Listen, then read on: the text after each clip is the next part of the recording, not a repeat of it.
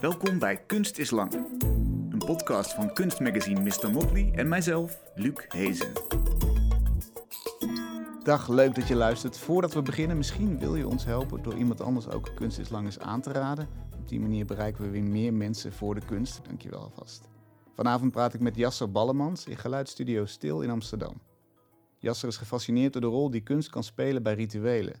Denk aan de maskers van carnaval, de ornamenten uit religies of de vlaggen die onze nationale identiteit symboliseren. Hij zet deze elementen in om tot nieuwe rituelen te komen die passen bij deze tijd. Dat levert vaak sculpturen op van hout of staal. In Amsterdam Zuidoost staat een geabstraheerde mangrovenboom met nestkastjes erin voor de zwaluw en met kronkelige bankjes waar je op kunt zitten of kunt spelen. En voor een wijk in Arnhem liet Jasser jongeren nadenken over hun familiewaarden en symbolen die passen bij die waarden in een houten schild branden. Alle schilden samen vormden later een houten triomfboog. De inbreng van anderen is belangrijk voor zijn werk. Kinderen die vlaggen maken naar de vorm van de wolken, bezoekers van Lowlands die hun ziel kleien en tentoonstellen, of de wens van verstandelijke of lichamelijk beperkte inwoners van een instelling bij een met vlaggen gemarkeerde plek aan de rand van de weg kunnen zwaaien naar voorbijgangers. Welkom Jasser, fijn dat je er bent. Dankjewel, leuk om hier te zijn. Ja, laten we beginnen bij het spektakel van carnaval. Dat noemde ik even in de inleiding. Het verkleden, de wagens, de muziek, poppen, maskers. Wat interesseert je daar zo aan? Ja, ik kom uit Brabant uh, ook. En dus ik zag al vanaf jongs af aan uh, carnaval. En ik heb ook in Brabant op de kunstacademie gezeten. En daar kreeg je ook geleerd over catharsis en de, en de soort ontladende werking daarvan. En uh, ja, we hoorden van performance. En op een gegeven moment keek ik ook weer met andere ogen naar de carnavalsoptocht. Ik zag, eigenlijk is het, zijn de sculpturen die door de straat rijden. Er is performance, er is muziek. Uh, Wat is die catharsis van mensen die de carnaval niet uh, meebeleven elk jaar? Um, ja, een soort on, catharsis zuiverende ontlading, zou je kunnen, zou je kunnen, zou je kunnen zeggen. En um, ja, het carnaval is is een, een, tegenwoordig een christelijk feest, maar het, is ook een, het heeft ook een pre-christelijke traditie. Um, en eigenlijk overal over heel de wereld worden carnavalsachtige feesten gevierd bij de overgang van een seizoen. En, dat is natuurlijk, uh, als de, en carnaval is dan bij de overgang van de winter naar de lente toe. Dus alles is uh, dood geweest en begint weer opnieuw. Dat is het dus de zuivering van de dood, zou je eigenlijk kunnen zeggen. Maakt ruimte voor, voor, voor nieuw leven. En dat is denk ik wat van oudsher met carnaval gevierd of misschien ook wel onderzocht wordt. Ja, of dat mogelijk is. En, en, en die transformatie wordt letterlijk vormgegeven in maskers, in kleding. Ja, dan, dan drijf je ook van als je, wordt, je gaat de spot drijven met de machthebbers. De machtsstructuren draaien om. Dus de prins carnaval krijgt de sleutel van de stad. En in oude beschavingen, zoals uh, ja, de, de eerste uh, mensen die van jager-verzamelaars uh, meer landbouw gingen plegen, die begonnen ook hiërarchische structuren te krijgen. En daar waren ook beschavingen bij waar ieder jaar de koning werd geofferd. Uh, in het voorjaar.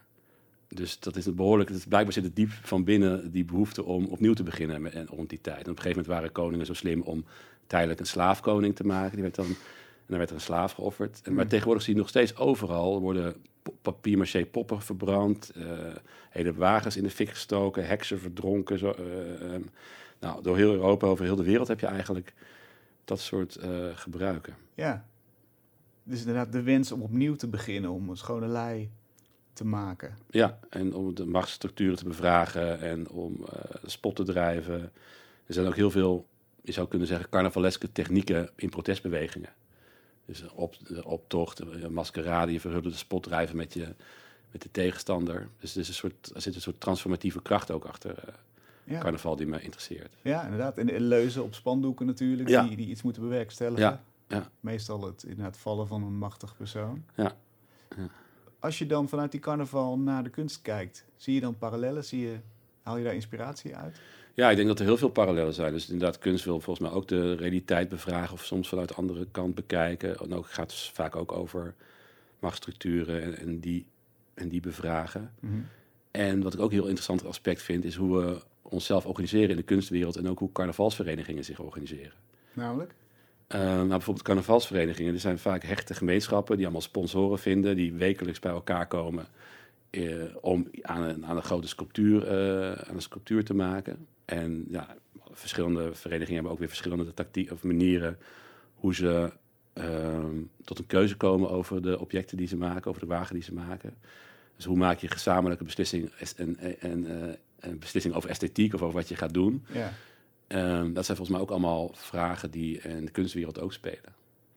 Maar dat gezamenlijke, zie je dat ook zo in de kunstwereld? Want de meeste kunstenaars zijn toch solisten, zou ik denk ik zeggen, die, die met hun eigen werk bezig zijn. Ja, dat zit voor, ja daar, daar zit volgens mij ook de crew, of dat ben ik ook geïnteresseerd naar. ehm, hoe we, ik denk dat het deze tijd erom vraagt om als solistische kunstenaars ook na te denken over hoe kunnen we samen, hoe kunnen we samenwerken. En al die solisten, eh, die zijn stiekem toch wel behoorlijk verbonden met de maatschappij. Die, ze, snijden wel heel vaak hele relevante onderwerpen aan of bezoeken iets heel specifieks, wat daardoor ook weer heel universeel is.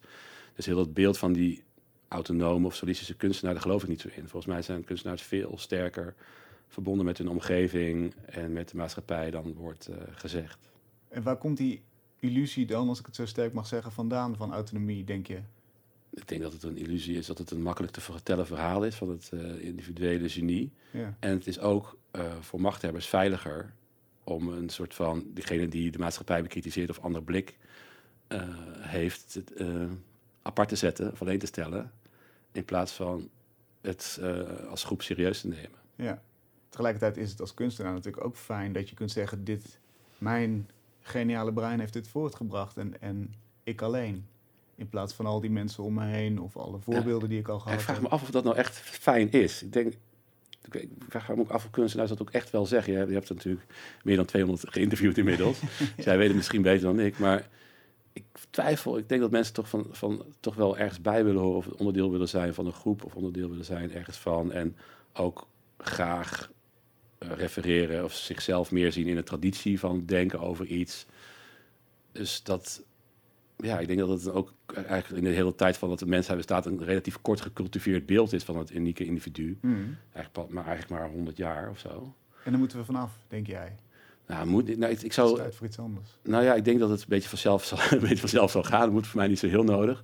Maar ehm, wat meer, ja, ik denk dat het gezonder is om een meer eh, geïntegreerd beeld te hebben van wat kunst is en wat kunstenaars nou, en wat de rol van kunstenaars is. Ja. Hoe zou je die formuleren, die rol? Goeie vraag. Grote vraag ook. Ja, ja. Ehm, nou ja, ik weet het niet precies, maar ik denk dat, dat, dat het, ehm het om gaat dat je, als je kunstopleiding hebt gedaan, heb je expertise op, op, op dat gebied van, of van eh, als beeldend kunstenaar of als. En dat, je, dat we die expertise, dat, ja, dat we kijken hoe we die expertise inzetten voor onszelf en voor anderen. En misschien dat er een soort, dan- als ik dan toch over een taak mag hebben, ik vind zelf dat veel kunstenaars dat die vraag te makkelijk ver- eh, vermijden.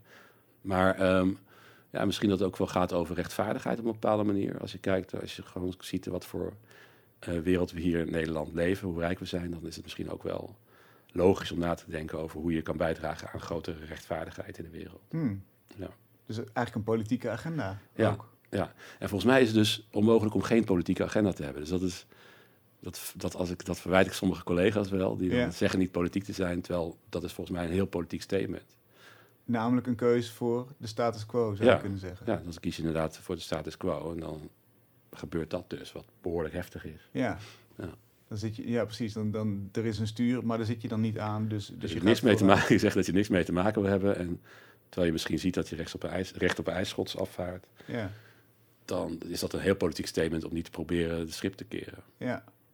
Maar er zullen ook inderdaad kunstenaars zijn die zeggen... ja, maar ik wil autonoom werken en me niet voor een politiek karretje laten spannen... of die politiek de kunst laten beïnvloeden. Dat zeggen ze dan, maar dat is onmogelijk. Vertel eens, voor de, voor de kunstenaars die luisteren... waarom Ja. is dat zo onmogelijk? Waarom hebben ze het bij het verkeerde eind?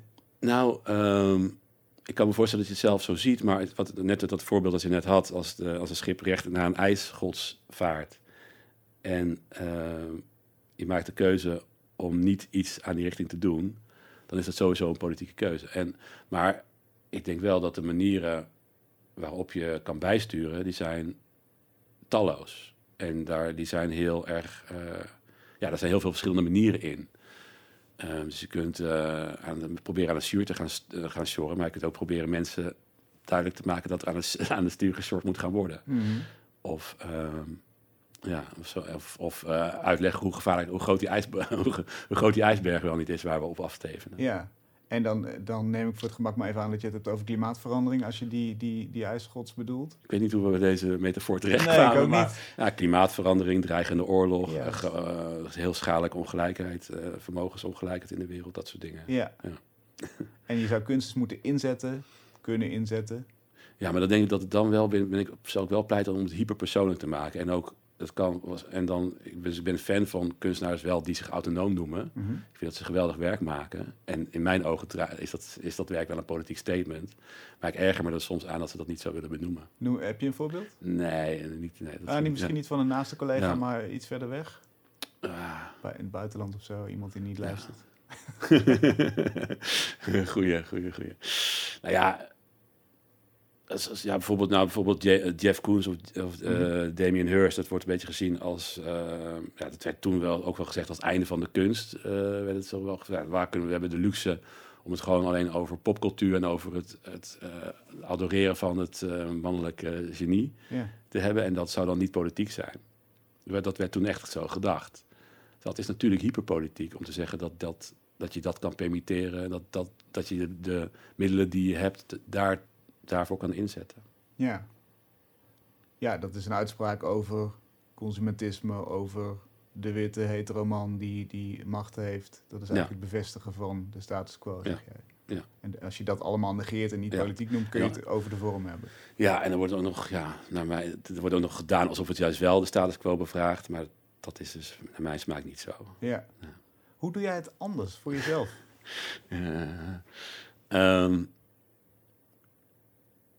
Ja, dus ik ben, aan het zoeken naar manieren om kennis over beelden maken en over samenwerken en over verbindingen maken eh, in te zetten in mijn, in mijn werk.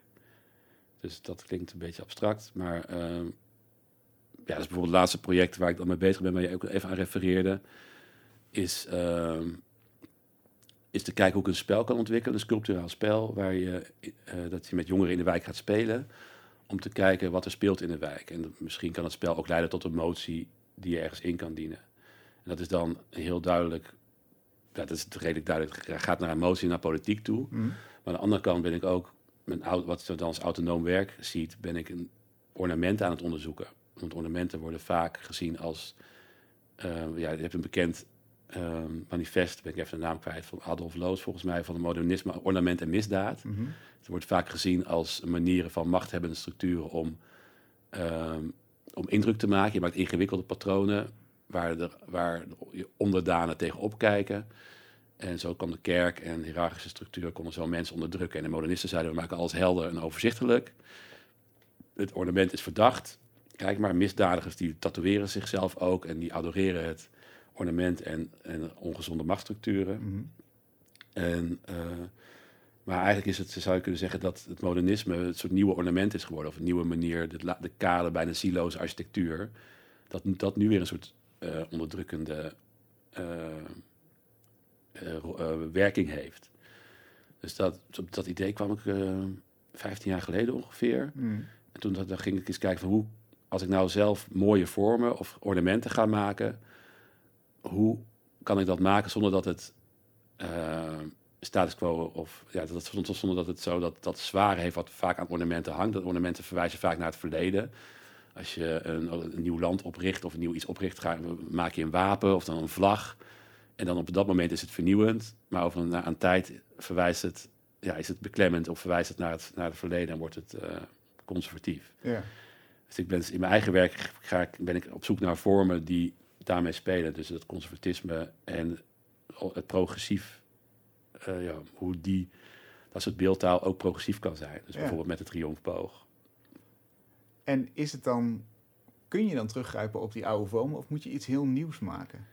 Ja, probeer dan dat een beetje een goede combinatie van te maken. Dat is mijn tactiek. Dus ik, denk, ik zit te kijken om, om dus eh, te kijken met respect voor, met, geïnspireerd op het verleden. Te kijken of je tot vormen kunt komen die iets over de toekomst zeggen. Ja. En ook, eh, dat bijvoorbeeld een kampvuur vind ik dan wel een mooi voorbeeld van wat betekent het kampvuur nu? In deze tijd met eh, allemaal blauwe beeldschermen, waar het kampvuur vaak een beetje rood licht is. En afgezet tegen een soort oude een oude symboliek van, van een klein, eh, klein groepje mensen dat, dat rond een vuur zit vanwege pure noodzaak om warm te blijven. Of, of, Ja, en ik kan me ook wel voorstellen dat in zo'n setting rond een kampvuur vroeger helemaal, dat daar eerste kunst is ontstaan. Want daar zijn er misschien de eerste verhalen verteld. En diegene die een verhaal vertelde had een stok vast. Die stok werd langzaam versierd en dat werd een totem. Of, Ehm, dus rond het kampvuur is misschien wel cultuur ontstaan. Mm. En, en tot heel voor, voor kort kwamen we s'avonds vooral bij elkaar rond vuur. En daar werden ook gesprekken eh, uitgewisseld en herinneringen gedeeld. En nou, ja, het vuur, ik zou kunnen zeggen dat vuur la- langzaam uit de stad is verdwenen. Ja. En ehm, ik fiets ook een keer naar mijn atelier. En dan zie je uit alle ramen zie je blauw licht flikkeren. En toen bij mijn atelier zat ik rond, bij, bij mensen rond de kampvuur. En dan merkte ik en toen, hoe makkelijk je ook in gesprek raakt als, raakt als je rond de kampvuur zit. Dan kun je gewoon stil zijn, want je kunt naar die vlammen kijken. En dan een beetje op een ontspannen manier raak je met elkaar in gesprek. Mm. En, ehm, en als ik tv kijk en iemand gaat tegen me praten, vind ik het snel irritant.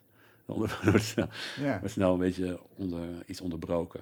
En zie je dan een fundamenteel nieuwe vorm van, of nieuwe functie van dat kampvuur eigenlijk? Ja, dus ik denk dat het dus dat, dat het nieuwe. Dus ik ben heel erg geïnteresseerd in moderniteit en beeldschermen en computers en alles. Maar ik denk dus dat ook die moder- moderniteiten ook oude ge- dingen zoals een kampvuur een nieuwe rol kunnen geven. Dus nu ga je dan geen kampvuur. Het zou gek zijn als iedereen nu in zijn huis nog steeds op een haard ging stoken. Zou dat ook CO2 technisch niet allemaal Nee. goed zijn.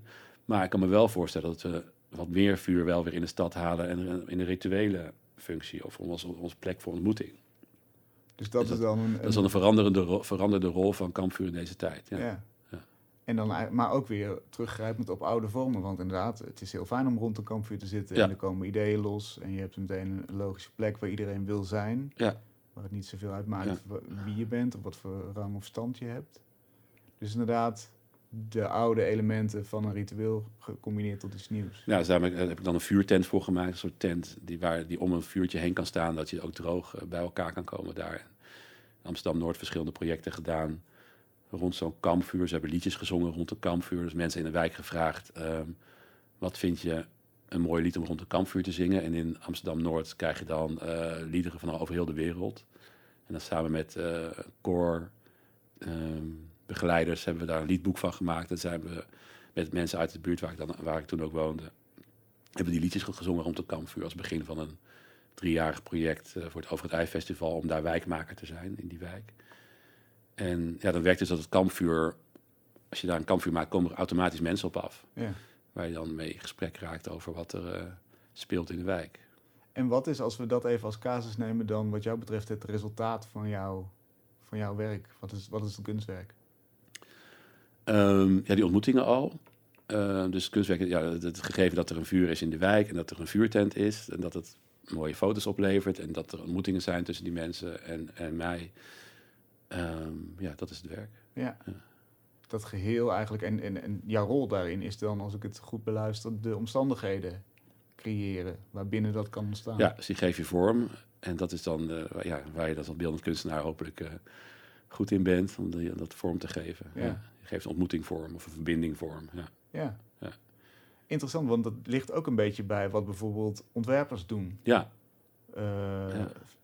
dit klinkt veel meer als een ontwerpvraag, social design, dan, dan een, een schilder die eh, inderdaad, ja, toch maar weer even dat voorbeeld in zijn eentje dan eh, eh, aan een doek werkt. Ja, dat weet ik dus niet. Want ehm, die schilder organiseert eigenlijk ook een ontmoeting met zijn werk uiteindelijk. Die komt, het werk komt ergens te hangen en daar gaan mensen over praten. En dat is ook een soort, ook een soort ontmoeting. Of ja, hij ont- ontwerpt ook een schilderij. Of hij ontwerpt ook iets voor een bepaalde context. Ja, Dus heel dat onderscheid. Dus wat dan autonome kunstenaar wordt genoemd en ontwerpers zie ik niet zo scherp. maar is dat dan niet een hele omslachtige ontmoeting? Want er zit, er zit een doek tussen, die, die persoon is er zelf niet meer. Dus die gaat niet de rondjes lopen bij zijn schilderij. Ja, schilders zijn ook een beetje gek natuurlijk. Nee, maar nee. ehm, eh, nou ja, het is een ander soort ontmoeting. Ja. Maar, die, die ook, maar die door zijn specifiek, specifiekeheid veel intenser kan zijn dan een ontmoeting die ik organiseer. Dus eh, ja, ik kan met mijn werk niet tegen Rotko opboksen, helaas nog.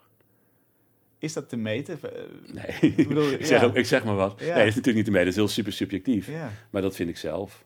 Nee, dus ik, dus dat, duidelijk is, dus ik pleit, ik zou nooit pleiten voor dat sociale ontmoetingskunst de enige soort kunst is of zo. Maar Nee, volgens mij is een Rotko ook eh, enorm sociaal. Ja. Ja. Alleen in verspreid over de tijd of zo bijna. ja, Niet Ja. geconcentreerd in één moment en in één situatie. nou ja, maar goed, bij, de- ik, weet, ik, weet, ik weet eigenlijk niet genoeg van Rotko af, maar volgens mij was hij al behoorlijk bekend tijdens, tijdens zijn leven. Dus als hij een opening had, was er ook een hele ontmoeting Ja. rond zijn... eh, alleen vraag ik me af in hoezeer die kunstenaars toen bewust waren van de context van die ontmoeting. Volgens mij is het bij deze dat we steeds bewuster worden van waar je je kunstwerk inzet.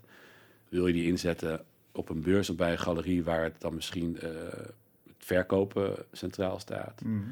Of ga je wat meer nadenken over de context eh, en hoe, wat, wat het betekent voor je werk? Is dat die context ook interessant wordt voor je werk? Ja. Dat was, dat was zijn vraag die ik mezelf heb afgesteld. Ja. Nou ja, in het geval van Rotko heeft hij natuurlijk zijn, eh, in het Seagram Building zijn, zijn werken weer weg laten halen. Hij Oké. had daar in een Four Seasons ging die, eh, een hele grote klus, ging die schilderij van maken. En toen zag hij dat er alleen maar bankiers zaten en Oh, mensen die heel veel verdienden. En Oh. zei, eh, weg met dat contract. ja. Hier komt mijn werk niet te hangen. Wow. Dus natuurlijk was hij, ja, was Ja. hij ook bezig ja, met... goed. eh, Heb ja. ik toevallig een goede voorbeeld Ja. genoemd. Ik weet niet of hij net zo eh, maatschappelijk bezig was met, met zo'n visie. Je had dat hele mooie project waar je jongeren een familiewaarde laat verbeelden en op een schild laat branden. Wat, wat gebeurt er met die jochies, waren het volgens mij vooral aan de foto's te zien, als ze dit doen?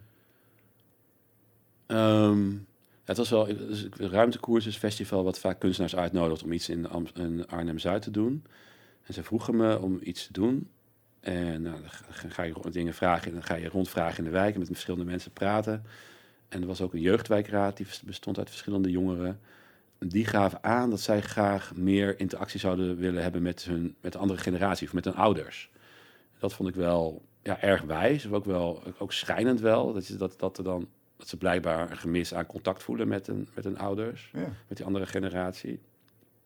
Maar ook wel mooi dat ze dat durfden te vertellen en dat ze dat dan zo'n vraag neerleggen. Ehm, dus zo kwam ik op, op het idee om een vuur te maken waarin metalen voorwerpen warm gemaakt konden worden, waarmee dan jongeren samen met hun ouders een soort familiewaarde logo in het hout konden branden. En dat kwam dan op grote poorten bij de entree van de wijk te hangen om te laten zien van hé, hey, dit zijn de waarden van de wijk die we belangrijk vinden. Mm. En ik denk dat er een impliciete eh, boos, of, het is, ik denk dat het ook de ervaring is. Dus eh, sowieso voor die generatie kinderen met hun handen werken, met vuur omgaan, Ja. iets samen doen wat ook een beetje gevaarlijk ook wel is. Ik denk dat ja, die ervaring eh, en dat, dat ook jouw werk groot wordt uitgedragen bij, de, uitgedragen bij de entree van de wijk, waar heel Arnhem eh, langs rijdt. Ik hoop dat dat bijdraagt aan het gevoel van eigenwaarde en dat het, dat het ja, dat. Ja. En dat het ze ook kan inspireren om, eh, ja, om, iets, om iets te doen wat ze leuk vinden of wat ze belangrijk vinden. Ja. En wat interessant is, dat heel veel van, eh, van dit soort jongeren, daarvan wordt vaak gezegd, ze hebben geen contact met hun ouders. De eh, ouders zijn de, de grip kwijt op deze jongeren die op straat hangen. Misschien niet al die jongeren hangen op straat van dit project, maar even, even eh, gegeneraliseerd gesproken inderdaad. En zij zeggen dus, als je het ze maar vraagt, wij willen juist weer contact met oudere mensen hebben. Want dat hebben we niet. Ja, mensen weten vaak heel goed zelf wat ze nodig hebben. Ja. Ja. Ja, En je zou ook kunnen denken, eh, dit is, eh, de, hier moeten we een maatschappelijk werker of zo op afsturen. Of ik, weet niet, ik weet niet wat ik hiermee kan. Wat, wat maakt dat jij denkt, hé, hey, dit is leuk, hier kan ik wel iets mee. En hier ga ik iets, iets moois van maken. ja goede vraag. Eh, ik denk dat het ook goed is als er maatschappelijk werkers, eh, die zijn er ook daar gelukkig. Hmm. Ehm, nou ja, ik denk dat ik, dat ik ook wel al langer heb nagedacht over waarden. Zeg maar. wat, wat, eh, wat vinden mensen belangrijk? Wat drijft mensen?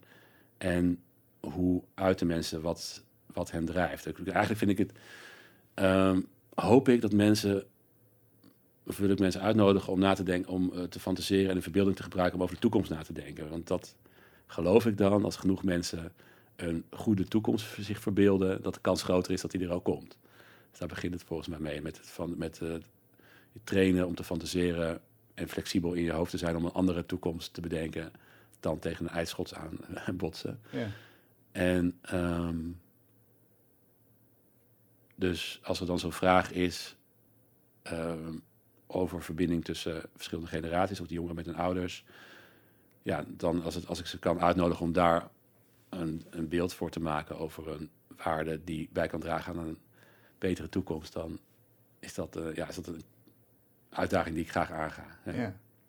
Wat me altijd opvalt is dat jouw sculpturen ook vaak eh, echt, echt gemaakt worden. Dus inderdaad, het is ijzer, het is hout, het is, er is vuur bij. Je kan het gewoon lekker in elkaar schroeven. Eh, er wordt altijd gewerkt met de handen. Het is nooit conceptueel. Hoe belangrijk is dat, het maken? Ja, ik heb ook vroeger dan wel conce- conceptuele dingen gemaakt. Ja. En een keer een klok gemaakt die alleen mooie tijden laat zien bijvoorbeeld. Dus dan laat die 12 uur 34 zien tot het 12 uur 51 is.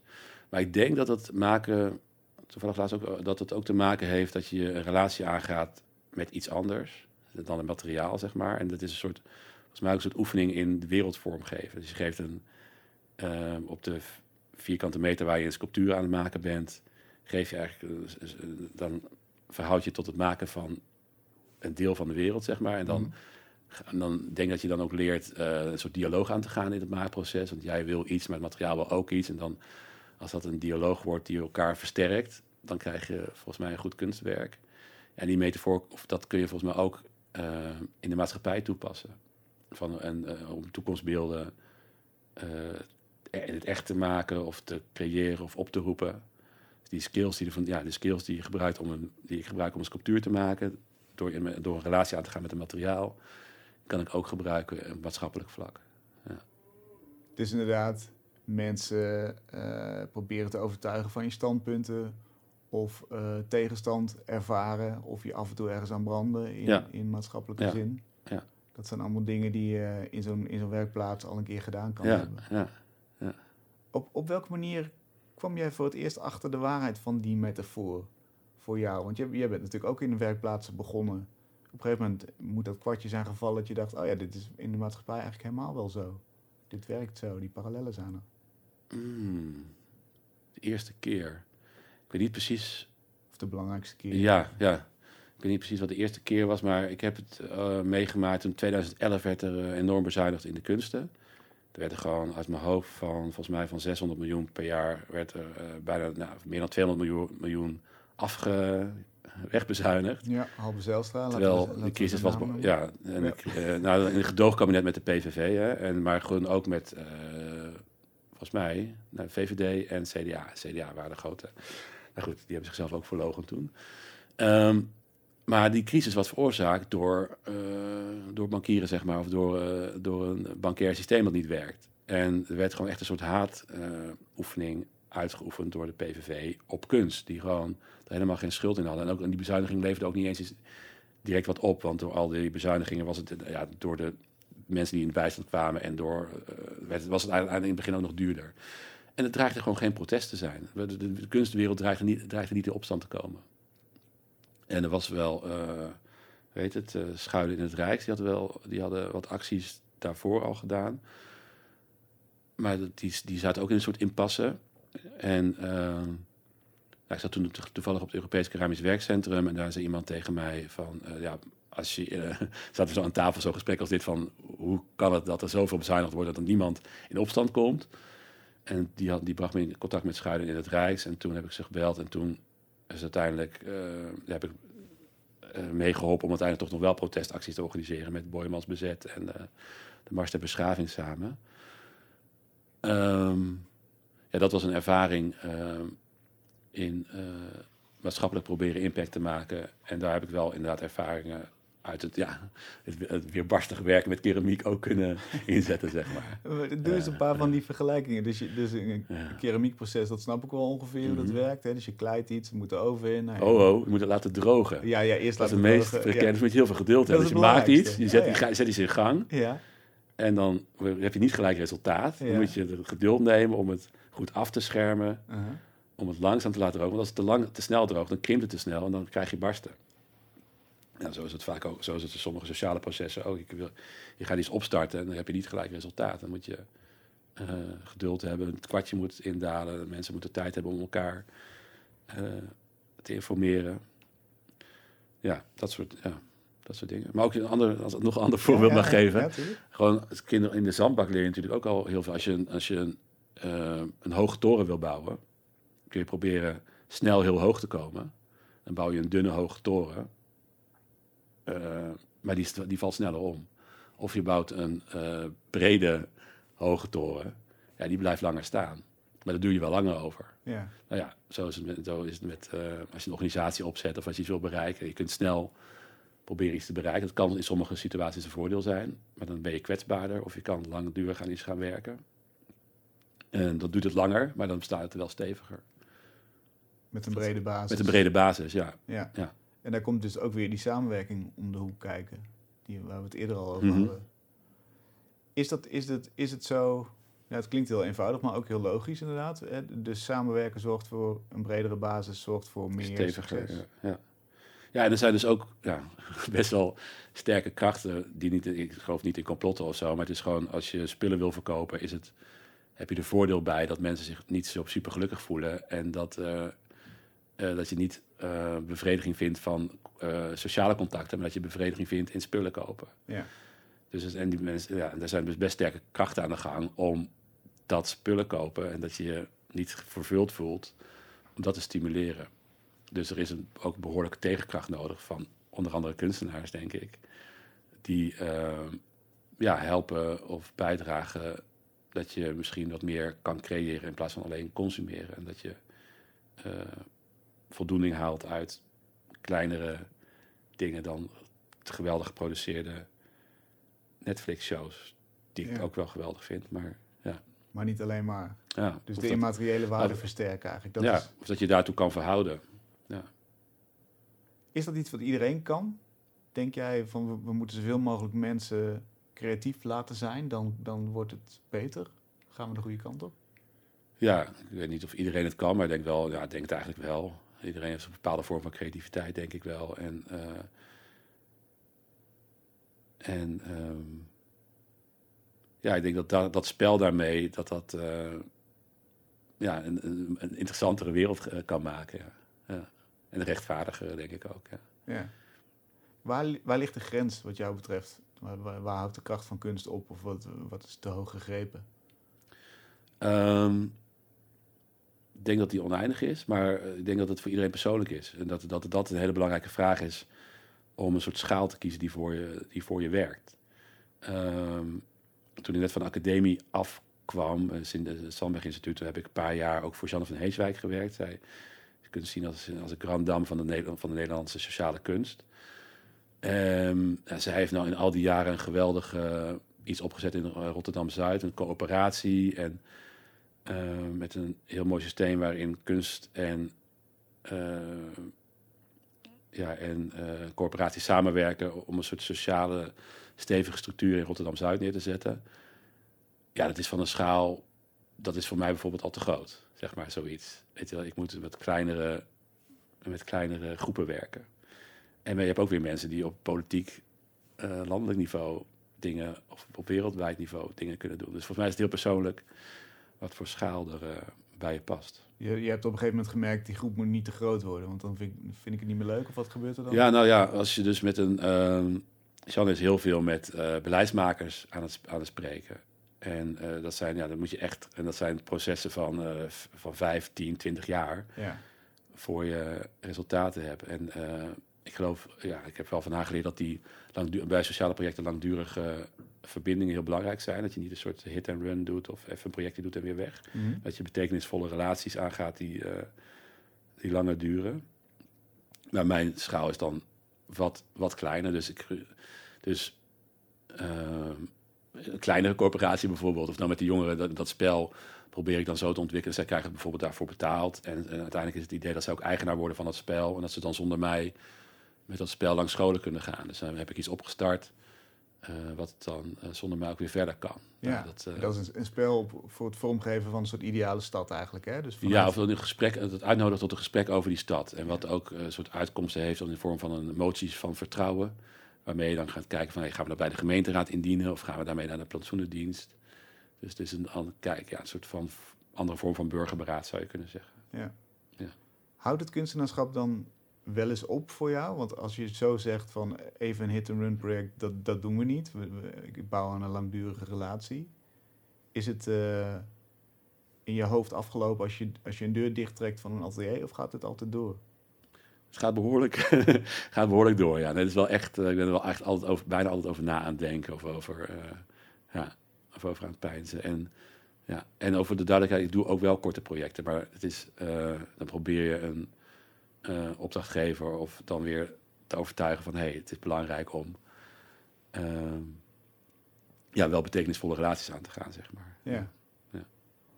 Het lijkt me vermoeiender dan, eh, dan een schilderij maken en denken, nou, het is eh, zes uur, ik ga naar huis. Maar dat, dat, volgens mij doen schilders, volgens mij is het, sommige schilders die, die doen dat en andere schilders malen de hele tijd door. En volgens mij is het met, met mijn praktijk ook zo, dat sommige mensen, het is, volgens mij is het niet aan de, hoe heet het, aan je techniek of zo, medium gebonden. medium gebonden, hoe je met taal erdoor wordt ingenomen. Nee. Eh, toch nog even dan die autonome werken. Vaak zijn die ook van ijzer, sierlijk, vaak losse vormen. Ook inderdaad op, op ornamenten, wat je net zei, dat, dat ben je aan het onderzoeken. Hoe vindt dat zijn, zijn ideale eh, locatie eigenlijk om tentoongesteld te worden? Want bij je sociale projecten is het heel duidelijk. Dat is altijd in samenwerking met andere mensen, gerelateerd aan een bepaalde plek, een bepaalde geschiedenis. Wat is voor jou autonome werk, het, het- die ideale Ja, nou, idealitair zou het, gaan, zou het gaan mixen.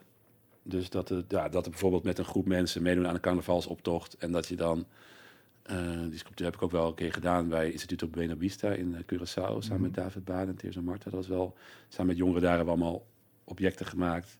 Ik heb ook mijn eigen objecten gemaakt en hebben we meegedaan aan, aan de optocht.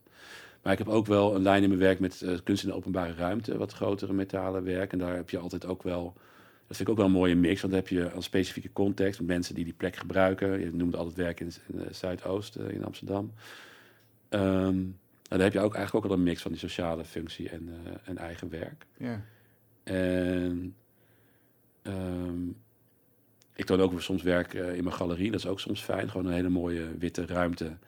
Ehm, of in een museum waar je een soort geconcentreerd naar het werk kan kijken. Dat, dat vind ik, ja, ik vind die afwisseling ook, ook fijn, zeg maar. Soms heb je ja, momenten van contemplatie en van introspectie Mm. van het werk. En soms heb je dat het naar buiten gaat en probeert onderdeel te zijn van de samenleving. Ik vind die afwisseling heel fijn. ja.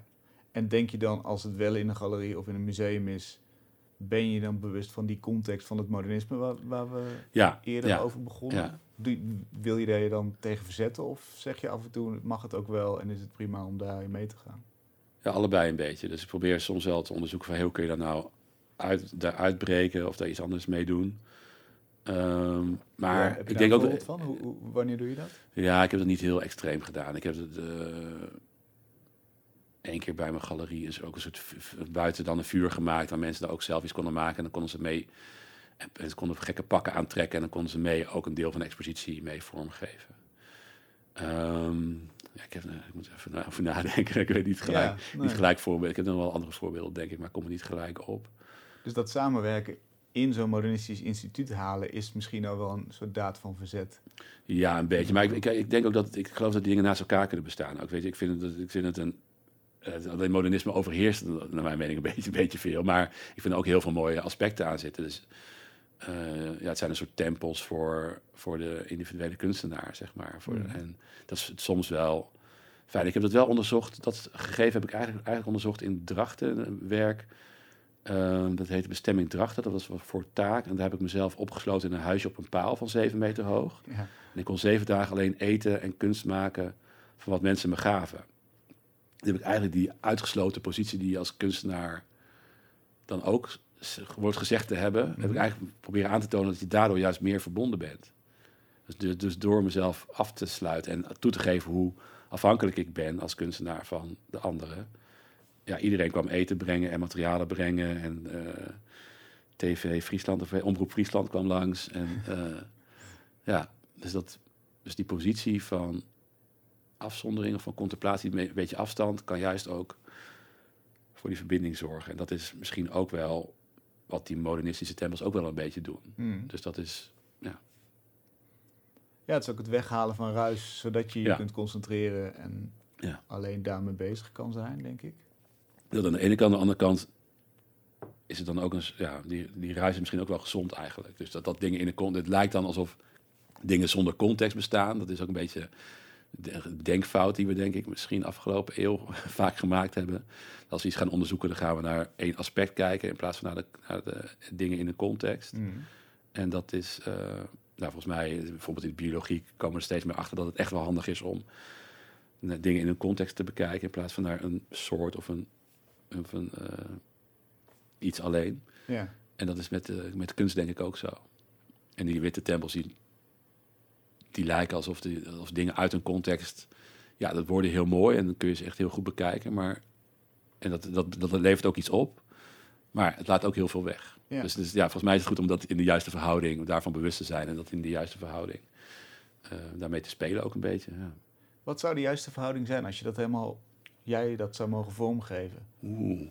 Dus, dus we houden hetzelfde aantal kunstinstellingen, maar eh, misschien moet een deel ervan er anders uit gaan zien. Of, eh, Nou ja, eh, ik heb ook vroeger een paar keer de kunstfly mogen organiseren. Dat was een eh, kunstbeurs dan voor, voor experimentele, experimentele kunstinstellingen. Ehm, ik, op een gegeven moment dacht ik eigenlijk heeft misschien iedere eeuw zijn eigen kunstinstelling. Dus je hebt de, de 19e eeuw eh, het Rijksmuseum eh, met eh, ja, een soort ver- veroveringskunst zeg maar. En, en eh, die dan op één plek wordt verzameld en tentoongesteld. En dan het Stedelijk Museum van de 20e eeuw, witte kathedralen voor de, of witte, voor de genie, voor het genie, eh, individuele genie. ja, de modernisten. En misschien dat deze tijd eh, meer gaat over die kleinere instellingen die, en, en samenwerkingsverbanden tussen kunstenaars. Die eh, al, die verschillende steden. Nederland is super rijk aan dat, dat soort instellingen. hè. Bijna ieder dorp, stad heeft wel een kunstinstelling die lokale kunstenaars toont, die projecten doen met eh, mensen uit de buurt. En eigenlijk is dat een, vind ik dat een waanzinnige rijkdom. En gemis hoe weinig daar de spotlights op staan. Ja. Dus dat zou ik, die, dat gegeven van dat, dat, dat beetje onzichtbare netwerk van al die instellingen, mensen, kunstenaars die met bijbaantjes daarnaast nog dat soort instellingen runnen.